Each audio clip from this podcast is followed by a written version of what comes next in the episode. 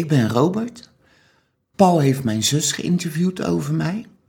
Ik speel wat zij over mij verteld heeft.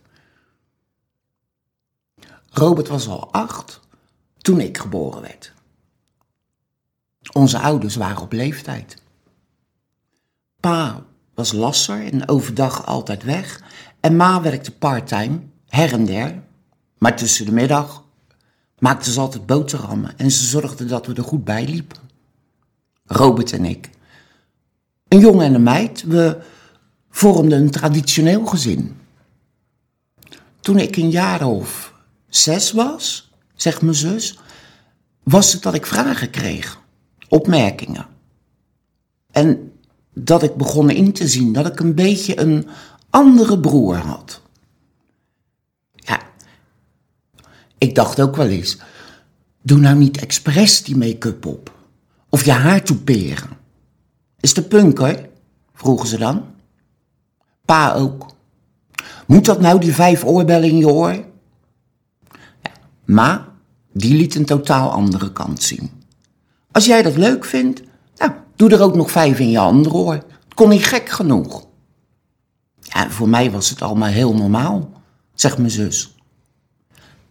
Hij was anders, dat weet ik. Maar het was wel mijn broer. Ma en Robert waren twee handen op één buik. Met onze vader had ik een betere band dan hij. ik vond pa een stoere vent. Het was heerlijk om dingen met hem samen te doen.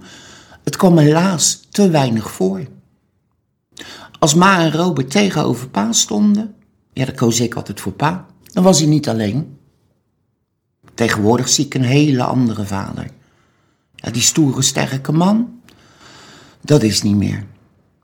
Hij heeft de dingen verkeerd aangepakt. Maar goed, ieder mens maakt fouten. Ik keek wel op tegen Robert. Vanaf mijn elfde nam hij me overal mee naartoe. Naar Rotterdam, naar, naar kroegjes, gekke winkeltjes, backstage in het theater. En we deden heel veel samen. Ik was een jaar of tien, elf. We waren samen thuis, Robert en ik. En Robert wilde per se een film met me zien. E.T. Gaat over iemand die anders is dan anderen. Ik vond het een mooie en bijzondere film. Op het einde zei Robert: Ik ben homo. Ja, dat wist ik eigenlijk al. En ik wist ook dat mensen dat raar en smerig vonden. Pa die was emotioneel en in shock. Hij wist het ook al wel, maar het was dus nu echt officieel. En hij was er bang voor hoe de wereld ermee om zou gaan. Ja, zelf, zegt mijn zus, was ik ook wel eens verliefd op jongetjes. Maar ik stond er dan niet bij stil of dat dat nou hetero of homo was of iets anders. Een paar jaar later kwam Robert thuis met een vriend, een Rus. Leuke knul, maar communiceren was lastig. Pa accepteerde het. Hij zei ook vaak: Het is en blijft mijn zoon. Nu ja, ben ik nog steeds Roberts kleine zusje. Maar ik ben toch ook al 42. Minder onbezonnen dan hij. Ja, dat hij de oudste en de wijste is, dat geldt niet meer. Nou, we vertellen elkaar niet alles, maar ik merk dan wel op dat hij verliefd is. Dan broeit er iets. Maar hij vertelt het dan vaak niet heel expliciet. Ja, ik weet wel ongeveer hoe dat hij leeft. Het zou mij verbazen als er iets naar buiten kwam wat ik niet weet. ik zie ook wel dat hij niet goed voor zichzelf zorgt. Te korte nachten, te hard werken, te weinig regelmaat. Robert die heeft een motor in zich, die gaat maar door en door en door. Maar hij heeft soms ook een bord voor zijn kop. Dat is de andere kant. Dat ik denk, doe nou eens eventjes rustig. Ik zou er lang niet meer kunnen. Waar hou je de kracht vandaan? Ja, er is geen partner die hem bijstaat, zegt mijn zus. Hij zal met anderen ook wel heel close zijn, maar ik ben zijn zus en dat gaat vanzelf dieper. We gaan al 42 jaar met elkaar om. Dat is anders dan een vriendschap of een relatie. Vroeger liepen we ook vaak hand in hand. Ja, ik ken Robert niet anders dan alleenstaand en single. Met hier en daar een flirt of een fling. Ik gun het hem wel, een relatie. Ja, ik denk ook wel eens, jij mag ook wel eens om hulp vragen. Of zeggen dat het niet lukt. Dat vindt Robert moeilijk. Ook als het hem wordt aangeboden. Hij wil alles heel graag zelf doen.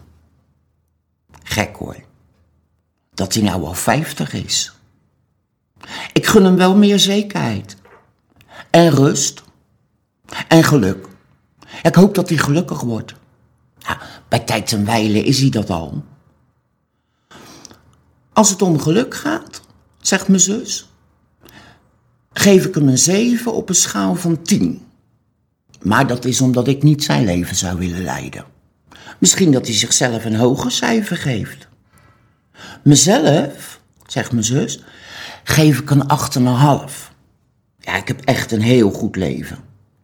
Ik ben uh, woonbegeleidster bij mensen met autisme. Ben getrouwd. Bewust kinderloos. Nou, en ik woon in het huis waar ik vroeger met mijn ouders gewoond heb. Ah, er liggen zoveel herinneringen. Ik gun hem een man. Een latrelatie. Ja, want ik denk nou niet dat hij na zijn vijftigste ineens 24-7 met iemand gaat samenleven. Nee, dat trekt hij niet. Nee, Robert heeft zo zijn eigen stekkie en zijn eigen ding. Hij woont alleen met zeven katten. Heel gezellig. Hij is een soort uh, kattenvrouwtje. Mannetje. Ja, zelf heb ik ook altijd vijf katten gehad. Momenteel maar drie. Net als mijn ouders. Die hadden er ook altijd drie. En een hond. En een konijn. En een hamster. Ma is nu zeven jaar dood. Dat is nog steeds een gemis. Er zijn zoveel dingen, daar had ze bij moeten zijn. Maar ja, dat is ze ook wel. Daarboven.